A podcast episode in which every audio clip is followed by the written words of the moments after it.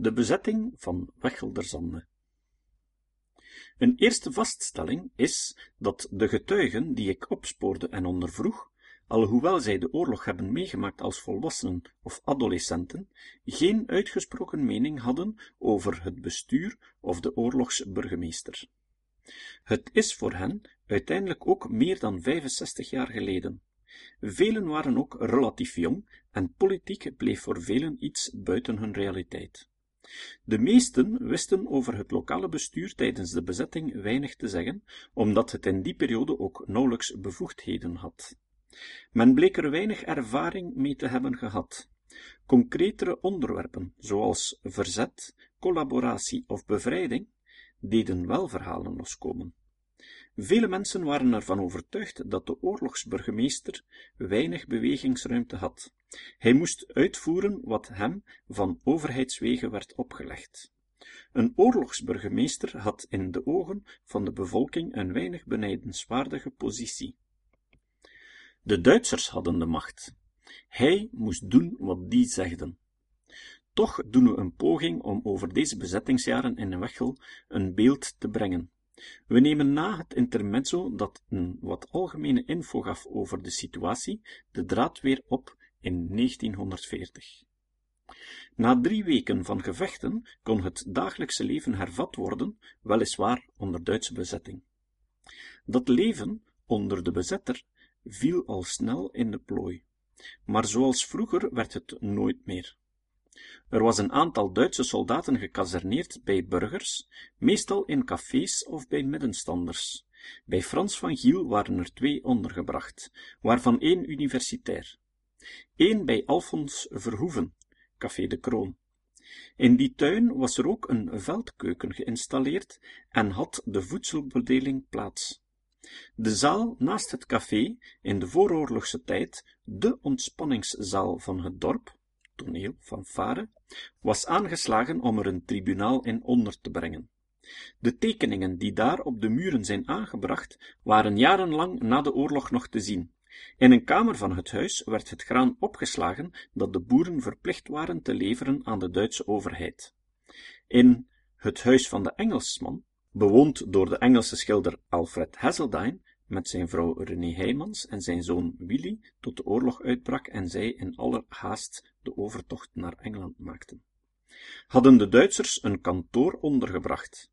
In café De Zwaan, tevens bakkerij, bij de familie Neefs Sijsmans en bij de overbuur Karel Neefs Jacob, de Haspel, waren ook Duitse soldaten ondergebracht, evenals in café De Prins, Bos Sijsmans en in de tramstatie bij Mathilde van Oekel de Donker.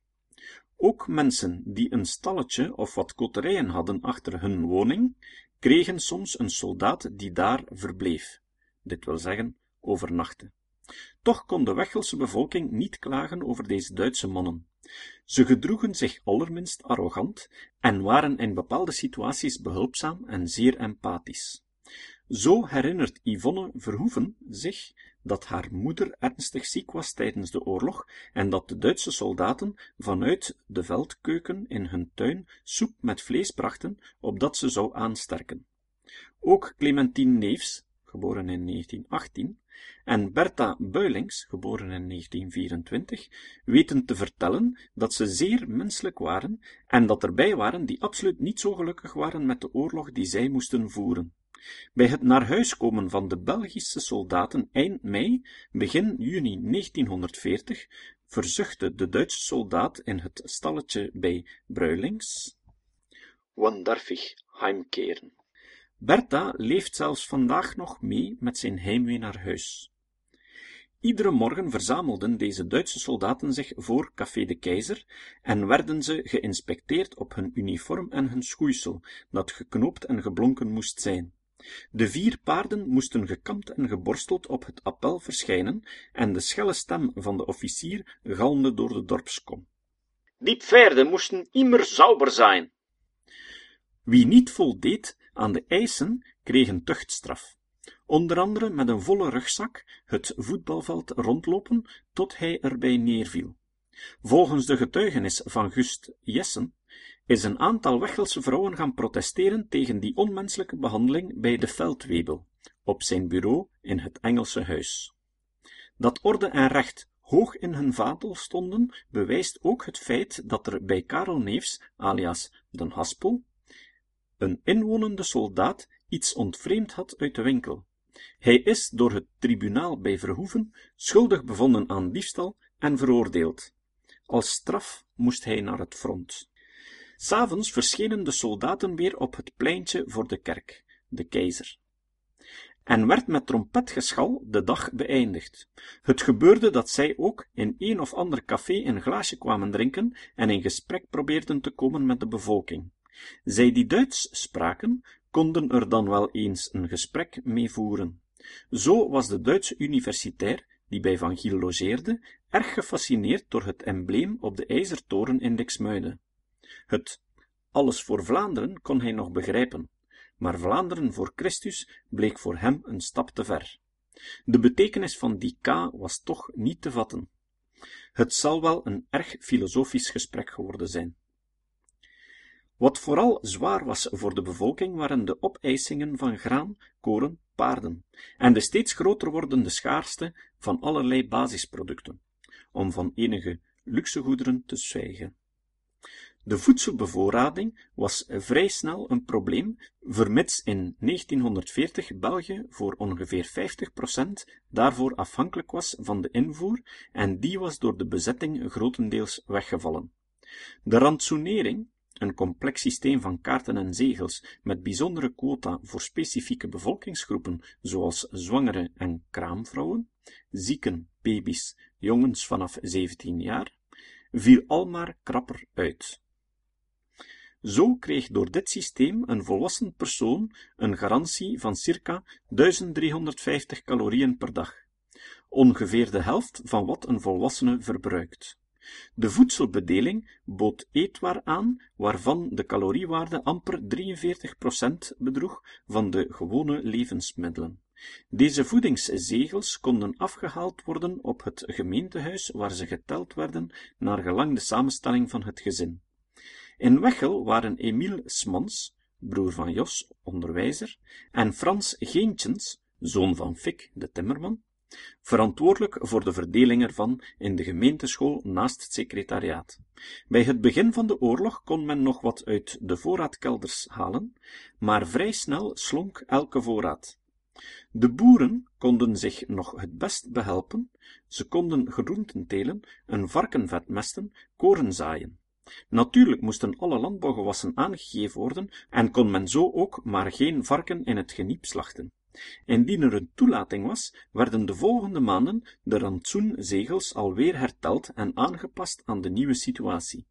Daarom was sluikslachting en sluikhandel erg in en was de zwarte markt een welig tierend feit. Enkele prijzen ter vergelijking. Brood, anderhalve kilo, Officieel 4,35 frank. Zwarte markt 25 frank. Boter 1 kilogram 45 frank. Zwarte markt 320 frank. Spek 1 kilogram. Officieel niet te krijgen. Zwarte markt 270 frank. Smout 1 kilogram. Officieel niet te krijgen. Zwarte markt 300 frank. De prijzen waren een veelvoud van wat ze officieel mochten zijn, terwijl voor sommige producten de prijzen vertienvoudigden, bleven de lonen de hele oorlog geblokkeerd, op een verhoging na met 8% in 1941. Brood was twintig maal duurder dan in 1939, aardappelen elf maal zo duur, boter dertien maal, koffie negen maal, chocolade acht maal. In 1943 was het weekloon van een arbeider op de zwarte markt nog ongeveer een halve kilogram boter of 200 gram koffie waard. Het in 1940 strikt opgezette voedselsysteem faalde. De jacht op voedsel werd steeds groter. Zelfs de voedselbonnen werden in de gemeentehuizen ontvreemd. Ook in Wechel werden de rantsoenzegels gestolen uit het gemeentehuis. De voeding werd steeds schaarster, eenzijdiger en slechter van kwaliteit. Uit een rantsoeneringstabel van 28 maart tot en met 26 april 1943 kunnen we afleiden dat het dagelijkse rantsoen brood nog 225 gram bedroeg, vlees 30 gram, suiker 33 gram. Aardappelen moesten het tekort opvangen met 500 gram per dag per persoon. Erzats werd een noodzaak om te overleven. Gebrande gerst in plaats van koffie, margarine in plaats van boter. Vanaf 1941 werden de velddiefstallen, stelen van de voedselgewassen, dan ook een echte plaag op het platteland. Vele boeren drongen bij de burgemeester aan op een betere bewaking van hun velden, want zij dreigden tweemaal slachtoffer te worden. Zelf geen voedsel te hebben en niet voldoende te kunnen inleveren bij de bezetter. De burgemeester liet een systeem uitwerken waarbij de landbouwers vrijwillig velden en oogsten bewaakten, de boerenwacht. De leden droegen een groene armband met rode opdruk, boerenwacht, maar bezaten officieel geen wapen. Op elk gehucht was er tot aan de oogsttijd elke nacht patrouille, geregeld door een beurtsysteem. Maar ook de niet-voeding werd schaars en na enige tijd onbetaalbaar. Aan alles was er een tekort, maar het maakte mensen wel inventief. De stoffen van kleding werden gekeerd. Van groot werd iets gemaakt voor klein. Schoeisel werd gelapt en herzoold, en om schoeisel te sparen, liep men op klompen, of cachou-sloffen. Borstels en touwen werden zelf vervaardigd. Fietsenbanden waren niet meer te krijgen. Men geeft 1500 Belgische frank voor een buitenband. Leder niet meer te krijgen. Men loopt op houten zolen, plooibaar textiel op houten blokjes. IJzer niet meer te krijgen. Glas is raar. Als je zelf geen fles bij hebt, krijg je geen limonade, azijn of gelei. De Nationale Landbouw- en Voedingscoöperatie wilde de productie en verdeling van voedingsmiddelen coördineren en controleren, terwijl het initiatief Winterhulp vooral voedselbedelingen organiseerde aan zwakkeren en kinderen, de eerste slachtoffers van voedselschaarste. De hulp aan de behoeftigen bestond uit het schenken van goederen in natura, melk, brood, aardappelen, kolen en kleding. Op 29 oktober 1940 is deze organisatie reeds opgericht. Koning Leopold III en kardinaal van Roei hadden elk 25.000 Belgische frank gestort in het fonds. Er werd dan ook opgeroepen op het platteland om hulp te bieden. Wechel en Vlimmeren werkten samen en brachten aardappelen bijeen op initiatief van de gemeentelijke overheden. Ze werden met paard en wagen door Emile Bosch naar Brussel gebracht in gezelschap van de oorlogsburgemeester Frans van Giel en de Vlimmerse burgemeester Henri van den Bosch, met enkele Wechelse en Vlimmerse boeren zoals Fons van den Broek, Frans de Koning. Het initiatief kwam van het comité van de secretarissen-generaal, maar waarschijnlijk heeft de militair verwaltung er de hand in gehad. De naam Winterhulp komt van de gelijkaardige organisatie in Duitsland, Winterhilfe. Een echt groot succes was het hier niet, vermits het toch nogal sterk verbonden was met de Duitse bezetting. Doordat het van start ging met geld van kerk en staat, kende het toch enige sympathie. Gust Jessen was intussen in Leuven afgestudeerd in 1942, nam deel aan een wervingsexamen en werd aangesteld als tijdelijke bestuurssecretaris op het ministerie van Landbouw en Voedselvoorziening en ravitaillering vanaf 1942 tot november 1944. Secretaris-generaal De Winter had met de Duitse overheid onderhandeld en had verkregen dat jongelui, die zouden verplicht worden naar Duitsland te gaan werken, de bezetter zou in oktober 1942 de verplichte tewerkstelling in Duitsland invoeren voor alle mannen tussen 18 en 50 jaar en alle vrouwen tussen 21 en 35 jaar, vrijgesteld konden worden als de boerderij groot genoeg was zodat de zoon in kwestie nodig was op het bedrijf. Het was vrij evident dat de verplichte tewerkstellingspolitiek de Duitse oorlogsvoering zou gaan ondersteunen en dat het gepaard zou gaan met erg radicale repressieve vervolgingen. De vrijwillige tewerkstelling, een voorstel van Augustus 1940, had niet het verhoopte succes gekend, want de verbintenissen werden door Duitsland niet nagekomen. Men moest langer werken dan de voorgestelde zes maanden, lonen lagen lager dan beloofd, het opgestuurde geld kwam dikwijls niet of met zeer grote vertraging aan. Er zou een verplichte tewerkstelling worden ingevoerd. Bezetting was een bijl in de vrijheid. Je moest kunnen buigen. Gust kreeg uit Lille, Wechel, Oostmalle, Beerse, Vlimmeren, uit heel Vlaanderen brieven aan om vrijstelling van deze verplichting en toestemming om thuis te werken.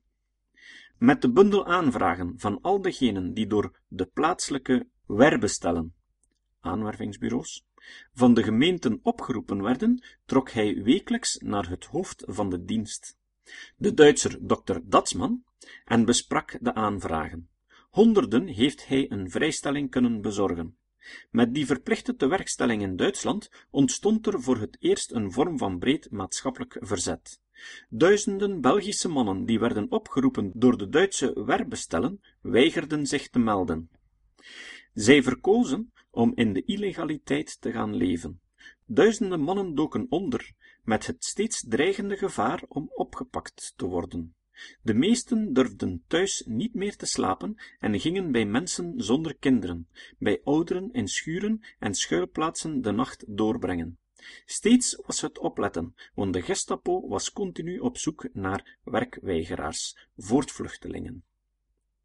Ook in Wechel zijn er tientallen ondergedoken en met de angst op de hielen zijn ze de oorlog doorgemaakt.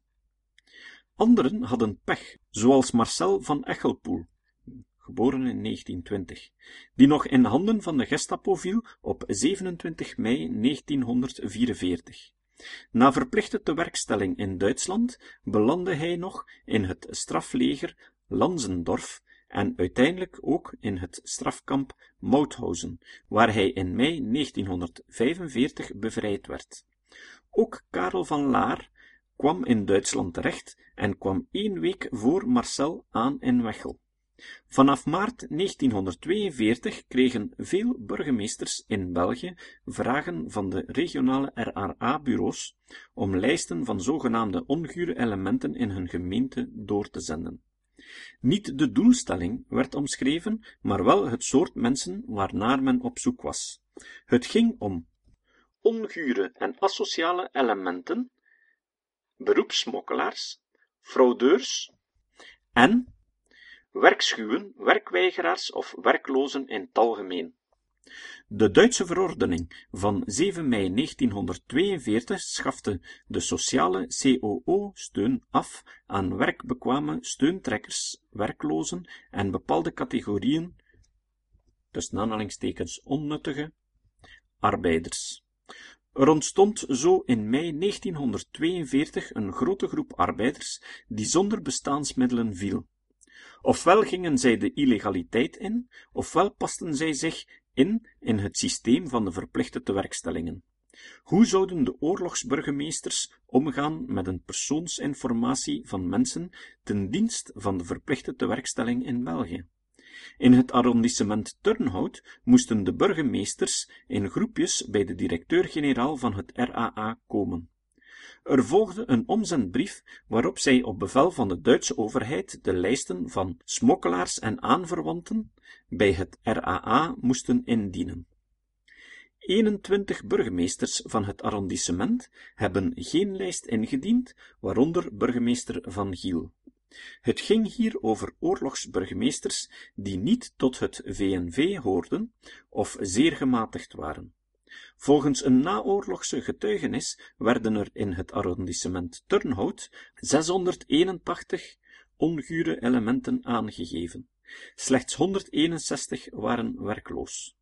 De meerderheid van de opgegeven mensen werden dus om andere redenen onguur of asociaal bevonden door hun burgemeester heeft volgende getuigenis van Gust Jessen iets te maken met de vele mannen die ook in Wechel eerstklaps door de verordening van 7 mei 1942 illegaal werden, vermits zij niet ingingen op het bevel om in Duitsland te worden te werk gesteld? Iedere week Bij zijn terugkeer naar Wechel bleef Gust de familie van Giel trouw bezoeken. Op een bepaalde dag gaf Frans van Giel hem een brief mee voor een verantwoordelijke van de ravitailleringsdienst met de vraag om extra bons en zegels voor driehonderd behoeftigen in het dorp. Na enige tijd volgde nog een tweede brief met de dringende vraag extra hulp voor een driehonderdtal armen van zijn gemeente Wechelderzande. Volgens Gust Jessen was dit aantal armen bijna onmogelijk op het zo kleine bevolkingsaantal van de gemeente, namelijk 1022. Gust legde dit schrijven voor aan Datsman, die het licht op groen zette en Wechel kreeg zijn extra zegels toebedeeld. Voor wie waren die zegels nu eigenlijk bedoeld? Waarschijnlijk voor de tientallen mannen die moesten zien te overleven in penibele omstandigheden omdat ze werkschuw waren in de ogen van de bezetter. Hier en daar kon Frans van Giel toch wel zijn invloed laten gelden, want toen Fons Geentjes van Nantes, geboren in 1924, die geregeld voor Van Giel met de hondenkar een schilderij wegbracht tijdens de oorlog en al een goede bekende was geworden, ook werd opgepakt en weggevoerd, heeft hij er kunnen voor zorgen dat Fons vrij snel weer thuis kwam, volgens de getuigenis van zijn broer Gust.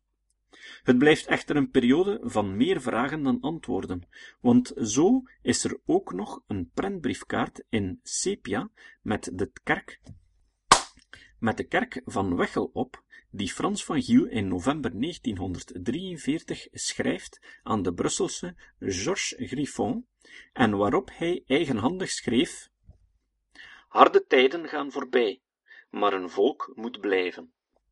Waarop de tekst slaat en wie de geadresseerde is, blijven voorlopig een raadsel. Van Giel was niet in de eerste plaats een politicus in hart en nieren. Hij was de dato burgemeester onder een bezettingsregime, maar wenste geen moeilijkheden voor niemand. Hij was zich beter dan wie ook bewust dat Gust Jessen vanop zijn plaats op het Kuteleplein in Brussel, onder gezag van de Duitse dokter Datsman, ook vele weggelaars probeerde op hun boerderijtjes te laten. Van Giel probeerde orde en regelmaat te organiseren. Hij probeerde de administratieve rompslomp af te handelen, maar hij liet iedereen in zijn waarde. Iedere middag fietste hij via de Vendelmansweg en het oude voetbalveld, nu Nieuwstraat, naar huis om zich in de namiddag terug te trekken in zijn atelier, ver van alle politiek. Toch was die oorlogsperiode en het opnemen van het burgemeesterschap in Van Giels persoonlijke leven ook wel bron van moeilijkheden. Zijn oudste zonen, Frans en Jeff, waren adolescenten bij het uitbreken van de oorlog. Zij hadden oog en oor voor het politieke gebeuren en keken op naar de Vlaamse vrienden van hun vader.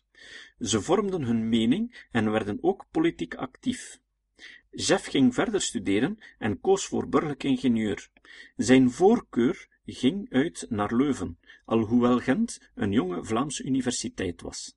Was het onder invloed van Gust Jessen, die daar toen studeerde? Toen Antwerpen op het einde van de oorlog getroffen werd door V1 en V2-bommen, op 12 oktober 1944 viel de eerste V-bom in België, waren er vele Antwerpenaren die in totale ontreddering de stad uitvluchtten. De V1's en V2's waren een plaag voor het ganse land omwille van hun onnauwkeurigheid, maar de V2's viseerden toch vooral de haven van Antwerpen en de stad werd in die dagen nog zwaar getroffen door dood en vernieling. Volgens de krant werden er 5960 V-bommen afgeschoten op Antwerpen. De V2's waren nog veel gevaarlijker dan de V1's. Geregeld verdwaalde er een bom, die dan neerkwam op een totaal niet voorziene plek. Alle gezinnen in het dorp die een tuin hadden, begonnen met het graven van loopgrachten om bij hoge nood in te schuilen. In Wecheldorp waren er een aantal gezinnen zonder tuin. Zij die op de driehoek woonden recht over de kerk en de hert gingen schuilen in de grote tuin van Villa Ons Genoegen, waar er meer grachten waren gegraven, onder andere voor de familie Jeff Maag van den Einde, Jeff Victor Stevens Verstraten.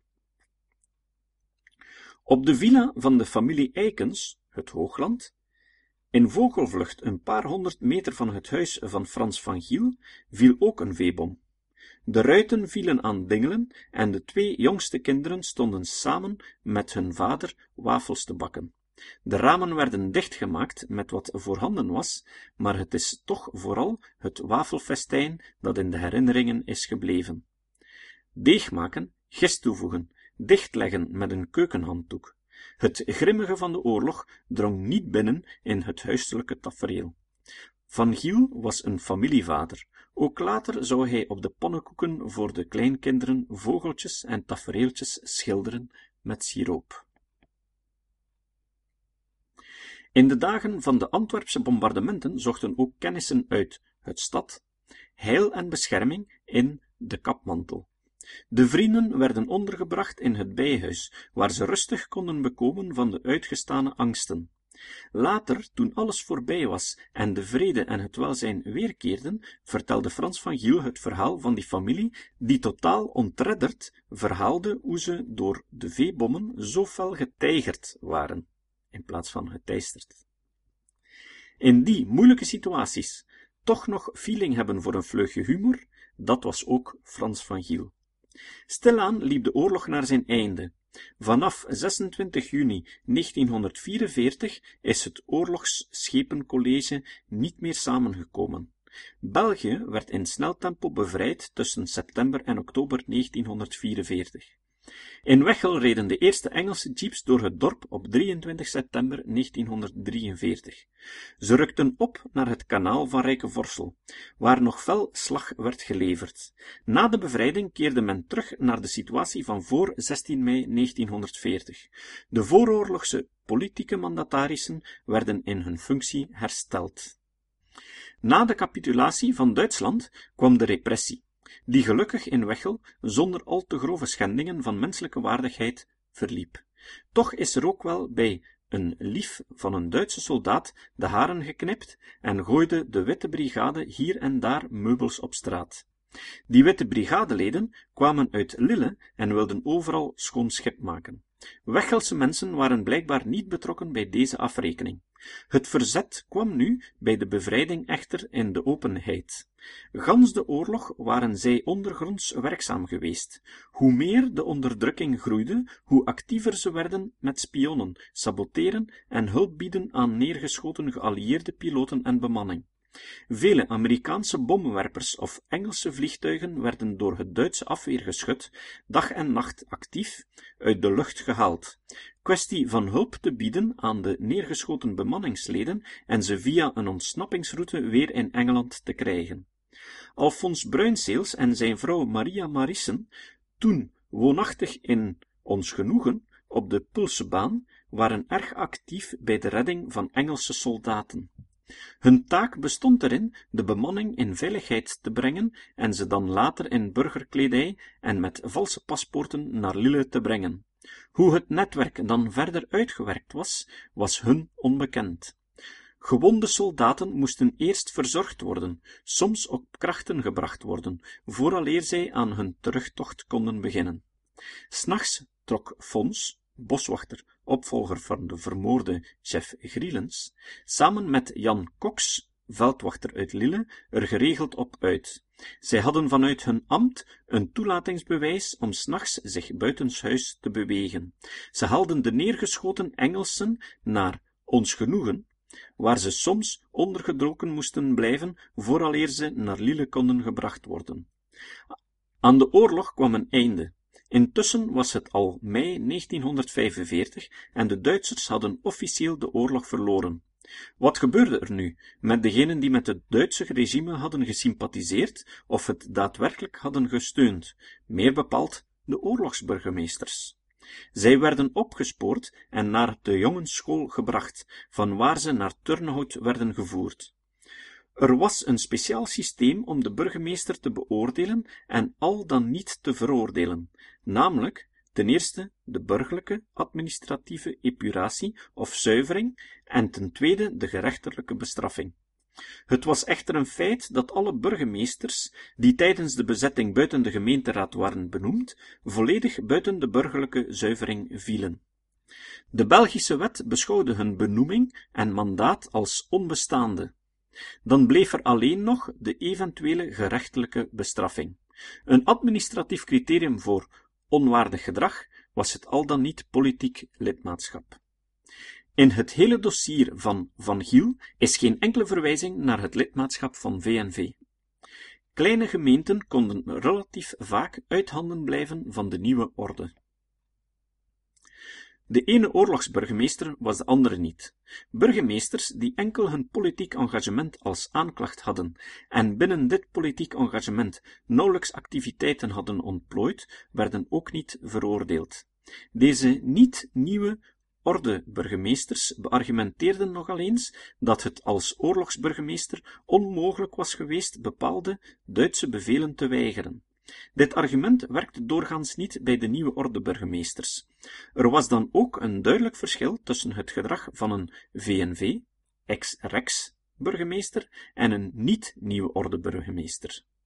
Deze laatsten deden niet gemakkelijk een beroep op de Duitse repressieve diensten voor de beleidsterreinen of voor de repressieve ordehandhaving.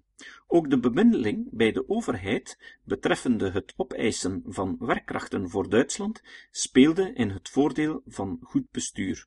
De lokale bevolking had geen enkel bezwarende getuigenis, er was geen sprake van slecht bestuur of verklikking en dus kende Frans van Giel geen probleem, was hij onmiddellijk weer thuis en ging het leven voor hem na de oorlog gewoon verder zoals voorheen.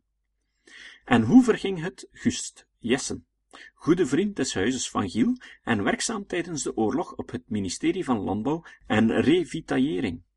Ook hij werd ontboden op het gemeentehuis en moest in Turnhout tekst en uitleg geven aangaande zijn werkzaamheden tijdens de oorlog tal van weggelaars, die tijdens de oorlog een beroep gedaan hadden op zijn voorspraak, waren ook nu niet te beroerd om getuigenis betreffende het goed dat hij voor hen had gedaan, op papier te zetten.